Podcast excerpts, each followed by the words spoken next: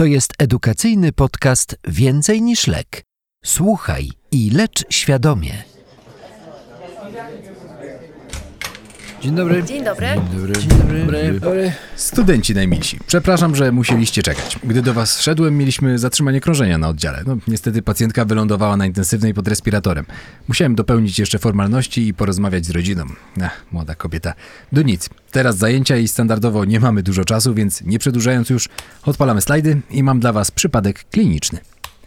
Zamknijcie oczy i wyobraźcie sobie pacjenta w wieku 64 lat, przyjętego do szpitala z bólem w klatce piersiowej i wysokimi wartościami ciśnienia tętniczego. Typowy, zaniedbany zdrowotnie mężczyzna z zespołem metabolicznym. Otyły, 120 kg, z cukrzycą, nadciśnieniem po zawale i do tego cały czas pali papierochy. Wśród leków, które pacjent deklaruje, że przyjmował w ostatnim czasie, znajduje się ASA, ACI, beta-bloker i nitraty. Diagnozą okazuje się być ostry zespół wieńcowy, więc szybko koronarografia, stenty, mija kilka dni. Wszystko wydaje się być super. Stan chorego się poprawia, ból ustąpił. Już lekarz prowadzący wita się z gąską, już ma drukować wypis, jednak jak na złość. Chory coś mówi, że nie ma siły, że stracił apetyt, zaczyna wymiotować. Pytanie do Was. Co się dzieje z pacjentem? Co robicie? No, zlecamy morfologię, CRP. E, USG brzucha, EKG. E, Okej, możliwe, że zrobimy te badania, które wymieniliście, ale może go najpierw zbadamy.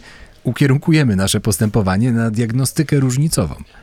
No dobra, y, to ja spytam. Jak pacjent wygląda? Jakie ma parametry życiowe? A może gorączkuje? Y, Wygląda tak sobie. Skóra bez wykwitów. Trochę blady, nieco apatyczny.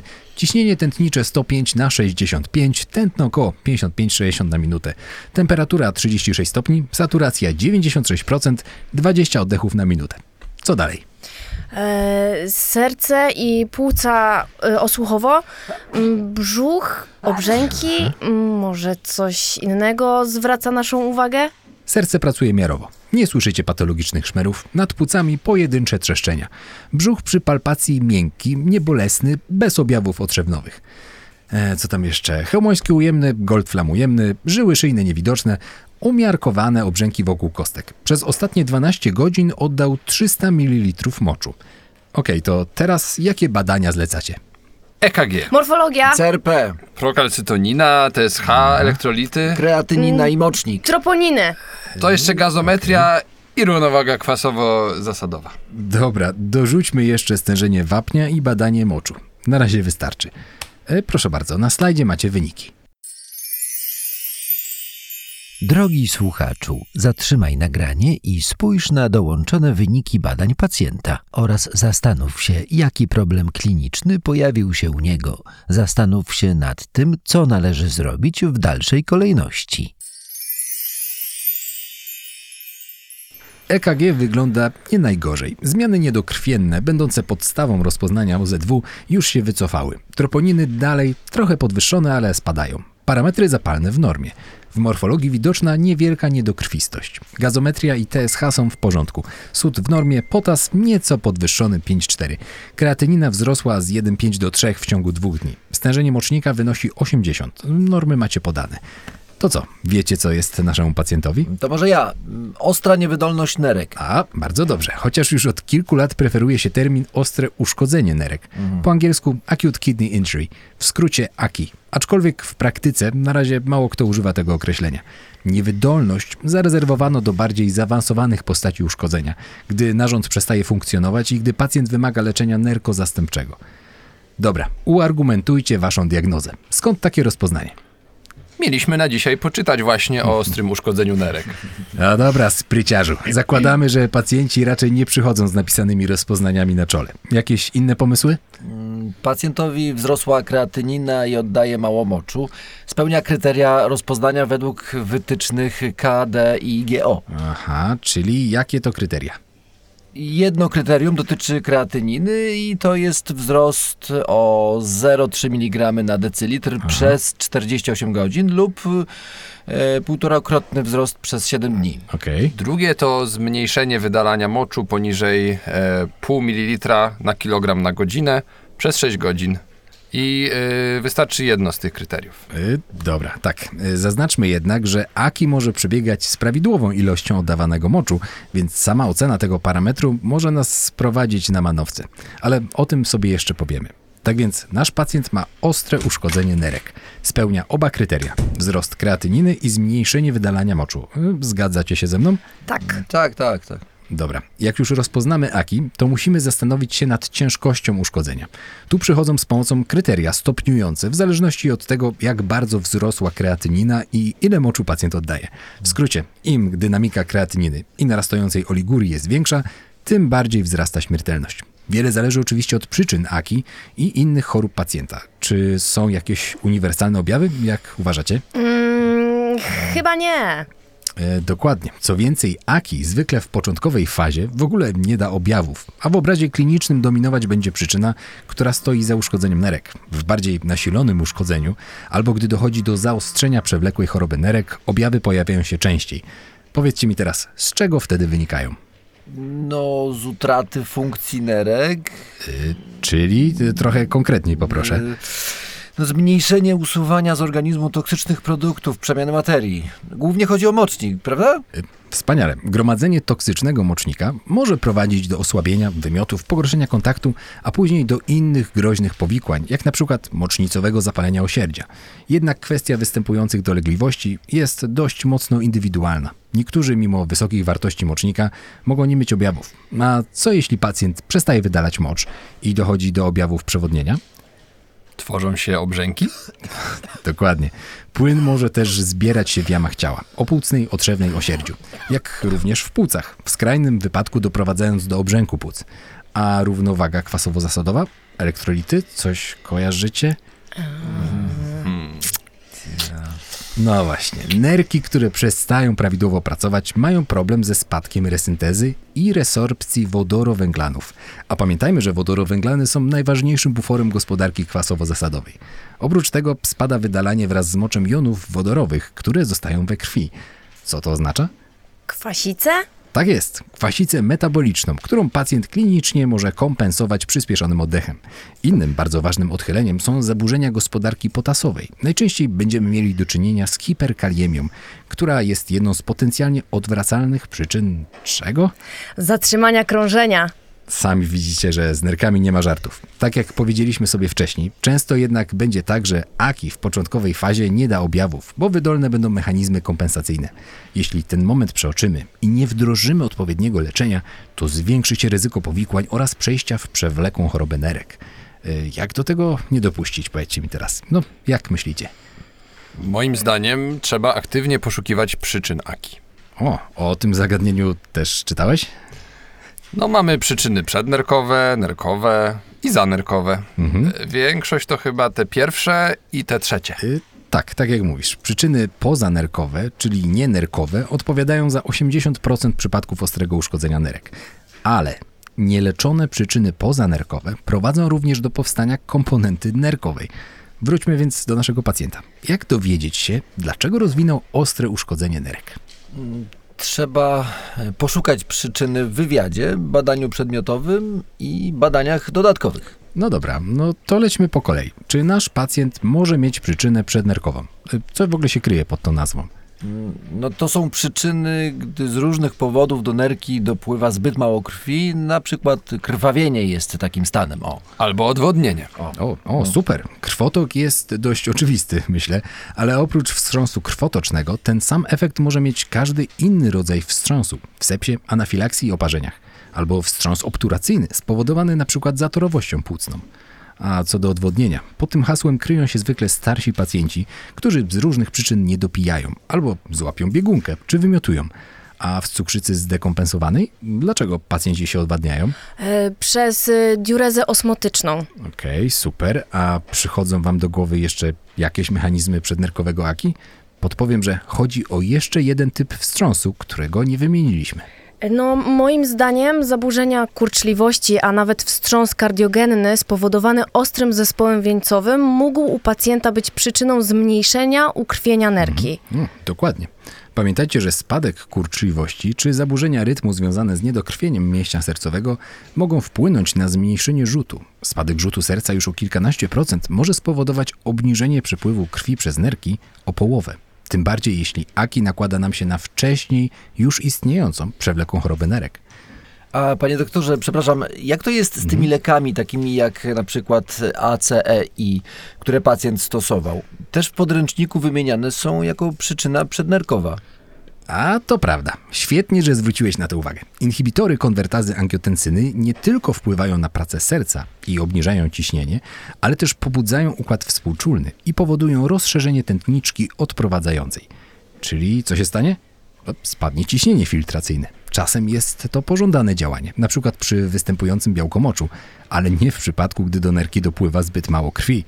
Niedaleko swój mechanizm działania mają też NLPZ-y. One z kolei obkurczają tętniczkę doprowadzającą i też spowodują spadek ciśnienia filtracji. Wymyślimy jeszcze jakieś przyczyny przednerkowe? No, ja czytałem, że może być e, zator tętniczy, e, chociaż wydaje mi się, że w tym przypadku ta przyczyna jest mało prawdopodobna. Czy ja wiem, pacjent z zespołem metabolicznym, miażdżyca. Zgadzam się z koleżanką. Dodatkowo przypomnijcie sobie, że wykonywana była koronarografia, czyli manipulacja w układzie tętniczym. Teoretycznie to też może być źródło zatoru. Patrzcie, o ilu rzeczach należy pomyśleć, a dopiero omówiliśmy niektóre przyczyny przednerkowe. Przeskoczmy teraz do tych przyczyn zanerkowych. Co o nich wiecie? No, mamy w nich do czynienia z przeszkodą w odpływie moczu. Jakieś kamienie, rozrost prostaty. Guzy? O, wspaniale, 100 punktów dla Gryffindoru. Czyli przyczyny zanerkowe to głównie domena urologów. Aby potwierdzić zanerkowe podłoże aki, należy uwidocznić poszerzenie układu kielichowo-miedniczkowego. W większości przypadków wystarczy do tego USG. Czasem trzeba będzie wspomóc się innymi badaniami, jak na przykład tomografia. W dalszej kolejności trzeba się zastanowić, jak usunąć przeszkodę w odpływie moczu. Myślę, że nie będziemy głębiej w to wchodzić i rozwodzić się nad kamlotami, resekcjami prostaty czy nowotworami w obrębie miednicy. No, zostały nam jeszcze do omówienia przecież przyczyny nerkowe. One stanowią zwykle największe wyzwanie. Coś mi możecie w tym temacie powiedzieć? E, W, ner- e, w nerkowym aki problem leży w nerce. Aha. Dochodzi do uszkodzenia jej struktur wskutek działania różnych czynników zapalnych. W sumie niezapalnych też. E, No, tak jak doktor mówił, przyczyn jest dużo. Myślę, że całkiem nieźle oddałaś istotę problemu. A czy aki nerkowe może dotyczyć naszego pacjenta? Raczej nie. No jak to nie? Dostał kontrast podczas koronarografii. Byłem ciekaw, czy to wyłapiecie. Pokontrastowe uszkodzenie nerek definiuje się jako wzrost kreatyniny występujący po procedurze z podaniem kontrastu, zwykle kilka dni później. Jednak co ciekawe, jest to temat kontrowersyjny i niektórzy debatują, czy to uszkodzenie w ogóle istnieje. Podrzucę wam artykuły do poczytania. Dla bezpieczeństwa lepiej chorego przed badaniem nawodnić. Wiecie, wlejcie w niego kroplówę na wzmocnienie, jeśli nie ma przeciwwskazań. No dobra, zaczęliśmy trochę od środka, ponieważ środki kontrastowe zwykle są wymieniane przy uszkodzeniu na poziomie cewek nerkowych. Co jeszcze może być uszkodzone w nerkowym aki? No, ja bym powiedział, że wszystkie struktury nefronu. Okej, czyli kłębuszki nerkowe, kanaliki oraz przestrzeń śródmiąższowa. Zgadzacie się? Tak. E, tak, tak. Mhm. No dobra, to polećmy dalej z tymi cewkami, bo tam znajdziemy najczęstszą przyczynę nerkowego aki. Wiecie jaką? A, no tak naprawdę za najczęstsze podłoże nerkowego aki uważa się ostre uszkodzenie cewek nerkowych w następstwie niedokrwienia nerki, czyli przyczyn przednerkowych, o których zdążyliśmy już sobie trochę powiedzieć. Dlatego identyfikacja i szybkie leczenie są tak ważne. Poza niedokrwieniem, czy coś jeszcze uszkadza cewki? No, ja czytałem, że leki, antybiotyki, ale nie pamiętam jakie. No tak. E, Najczęściej wymieniane są aminoglikozydy. Poza tym cewki dostaną po tyłku od alkoholi niespożywczych, glikolu, metanolu, czyli tu w grupie ryzyka są amatorzy wszystkiego, co kończy się na ol, ale też dzieci, które mogą wypić je przez przypadek. Glikol ma w końcu słodki smak. Osobną grupą chorób jest jeszcze cewkowo-śródmiąższowe zapalenie nerek. Jest to sytuacja, w której proces zapalny dotyczy przestrzeni śródmiąższowej i jak nazwa wskazuje cewek, a oszczędza kłębuszki nerkowe. Tutaj wliczamy odmiedniczkowe zapalenie nerek o podłożu infekcyjnym, ale też reakcje alergiczne w odpowiedzi na leki, np. penicyliny. A gdy chodzi o kłębuszki, to mówimy o kazetenach? Y, Dokładnie tak. Te nieszczęsne glomerulopatie na czele z kłębuszkowymi zapaleniami nerek to temat na inny podcast. Albo nawet rap. Słyszałem kiedyś fajny całkiem na więcej niż lek. Wymieniać by można i wymieniać, sami widzicie. Nie ma to sensu, bo i tak wszystkiego nie zapamiętacie. Lepiej będzie powiedzieć jeszcze kilka słów na temat diagnostyki, no i w końcu leczenia. E, to ja mam od razu pytanie, które mi się od dłuższego czasu nasuwa. E, doktorze, to jak sobie poradzić, skoro powiedzieliśmy niedawno, że Aki często w początkowej fazie nie da objawów? A, i to jest świetne pytanie. Musisz włączyć szósty zmysł, czyli myśl o Aki często. Mówiliśmy sobie, że zwykle w obrazie klinicznym będzie dominować to, co jest przyczyną uszkodzenia nerek. Zacznijcie więc od dobrego wywiadu. Rozważcie Aki u każdego pacjenta z nową, ostrą chorobą, zwłaszcza po 65 roku życia. Dorwijcie się do dokumentacji. Może pacjent ma już w wywiadzie chorobę nerek, która się zaostrzyła. Dowiedzcie się, czy przyjmował w ostatnim czasie jakieś substancje nefrotoksyczne i tak dalej, i tak dalej. Następnie, co należy zrobić po zebraniu wywiadu? Zbadać. Dobrze, jeśli pacjent ma tachykardię, niskie ciśnienie, blade powłoki, wygląda na to, że wpada we wstrząs, kreatynina wysoka. Jaka to będzie prawdopodobnie przyczyna AKI? Przednerkowa. Dobrze. A co jeśli u innego pacjenta stwierdzacie ból boku, dodatni objaw Goldflama i parcie na mocz? To pewnie makamice. A, na przykład. A jeśli dołożymy do tego gorączkę, to taki pacjent może mieć odmiedniczkowe zapalenie nerek, z którego szczególnie u starszych osób może rozwinąć się urosepsa. E, Pamiętajcie o tym. No a powiedzmy coś z innej beczki. Jeszcze inny chory na oddziale ortopedii po wypadku komunikacyjnym ma mocno pogruchotane kończyny dolne, które zostały zgniecione przez, o, deskę rozdzielczą. Nagle zaczął mniej sikać. A to mi do głowy przychodzi zespół zmiażdżenia. Mioglobina we krwi, nerkowe aki. Yo. Ojo! Sami więc widzicie, czasem obraz kliniczny będzie oczywisty, a czasem przysporzy niemałe trudności. Ostatni przykład. Pacjent z zastojnową niewydolnością serca może mieć cechy znacznego przewodnienia. Będzie na przykład cały obrzęknięty, a mimo to będzie miał przyczynę przednerkową, bo perfuzja nerek będzie niewystarczająca. Krew będzie zalegać w naczyniach i przesączać się do tkanek, generując obrzęk. W badaniu przedmiotowym nad płucami trzeszczenia, a w RTG klatki piersiowej zobaczyliśmy cechy zastoju w płucach. Czy intensywne nawadnianie jest dobrym pomysłem? No, moim zdaniem nie za bardzo. E, Podstawą powinno być w takim wypadku leczenie niewydolności serca. Doskonale. Dużo tego, panie doktorze. Ja wiem, wiem, ale nie martwcie się. Nie chodzi o to, byście wszystko dzisiaj zapamiętali, a o to, żebyście złapali ogólny koncept, jak do tego aki podejść. Wywiad, dokładne badanie pacjenta, badania laboratoryjne i obrazowe ukierunkowane na diagnostykę różnicową zwykle umożliwiają zidentyfikowanie przyczyny. Najwięcej trudności przysporzyć może odróżnienie przednerkowego aki od tego nerkowego. Niekiedy trzeba wykonać biopsję nerki i zobaczyć, co tam się dzieje w tych kłębuszkach i cewkach. E, A są jeszcze jakieś sposoby, żeby odróżnić aki nerkowe od przednerkowego? Czytałam, e, że badanie moczu może być pomocne. W praktyce to rzeczywiście jest użyteczne? E, Warto pamiętać, że mała ilość oddawanego moczu wskazuje raczej na przyczynę przednerkową. Z kolei w nerkowej jest z tym różnie. Mocz ma mniejszą gęstość i znajdziecie w nim większe stężenie sodu. Patofizjologicznie tłumaczy się to upośledzeniem jego wchłaniania zwrotnego, co prowadzi do skurczu tętniczki doprowadzającej i spadku filtracji. Możecie też policzyć iloraz stężenia mocznika do kreatyniny w surowicy. W nerkowym aki ten iloraz jest coraz mniejszy. Czy wiecie z czego to wynika? Okej. E, W prawidłowo funkcjonujących nerkach część mocznika jest reabsorbowana z powrotem do krwi. Jeśli mechanizmy za to odpowiedzialne są uszkodzone, to mniej mocznika będzie we krwi i iloraz będzie malał. Znajdziecie bez problemu tabelki pomagające w odróżnieniu tych przyczyn na podstawie różnych parametrów. Dorzucimy też jedną naszym słuchaczom. Co jednak warto podkreślić, tabelki bywają zawodne w przypadku występującej przewlekłej choroby nerek i przyjmowania diuretyków. Wyglądacie już na zmęczonych. Kończymy na dzisiaj?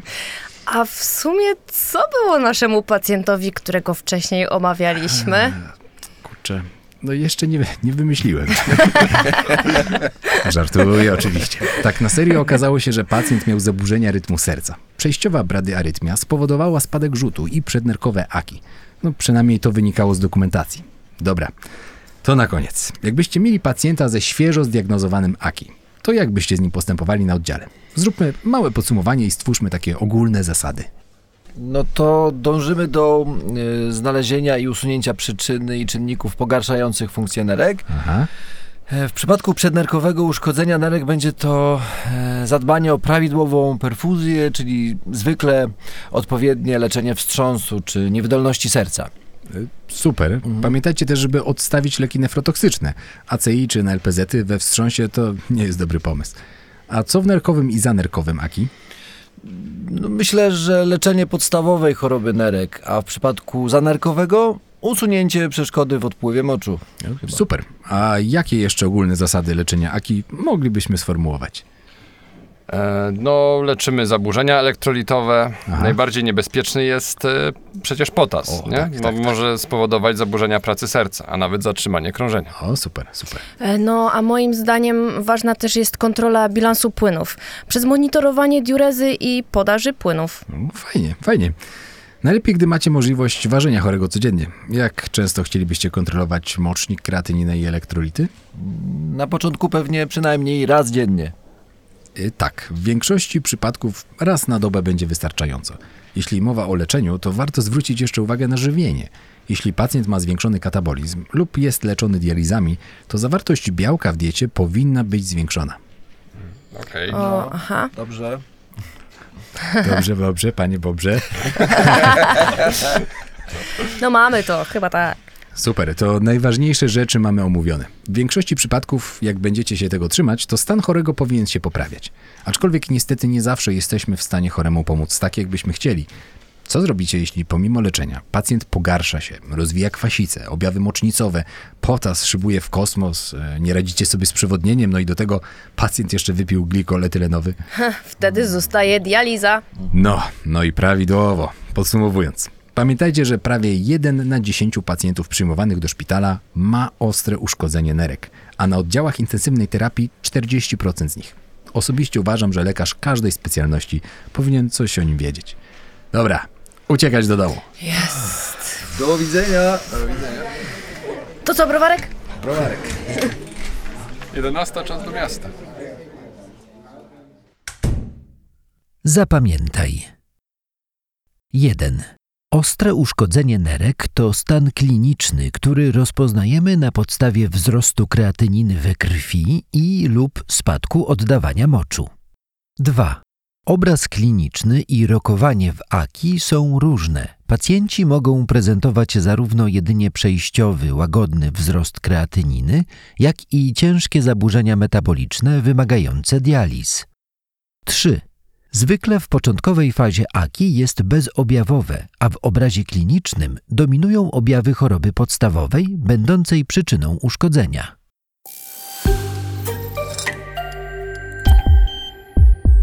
Więcej niż lek. Medyczny portal edukacyjny. Ucz się i lecz świadomie.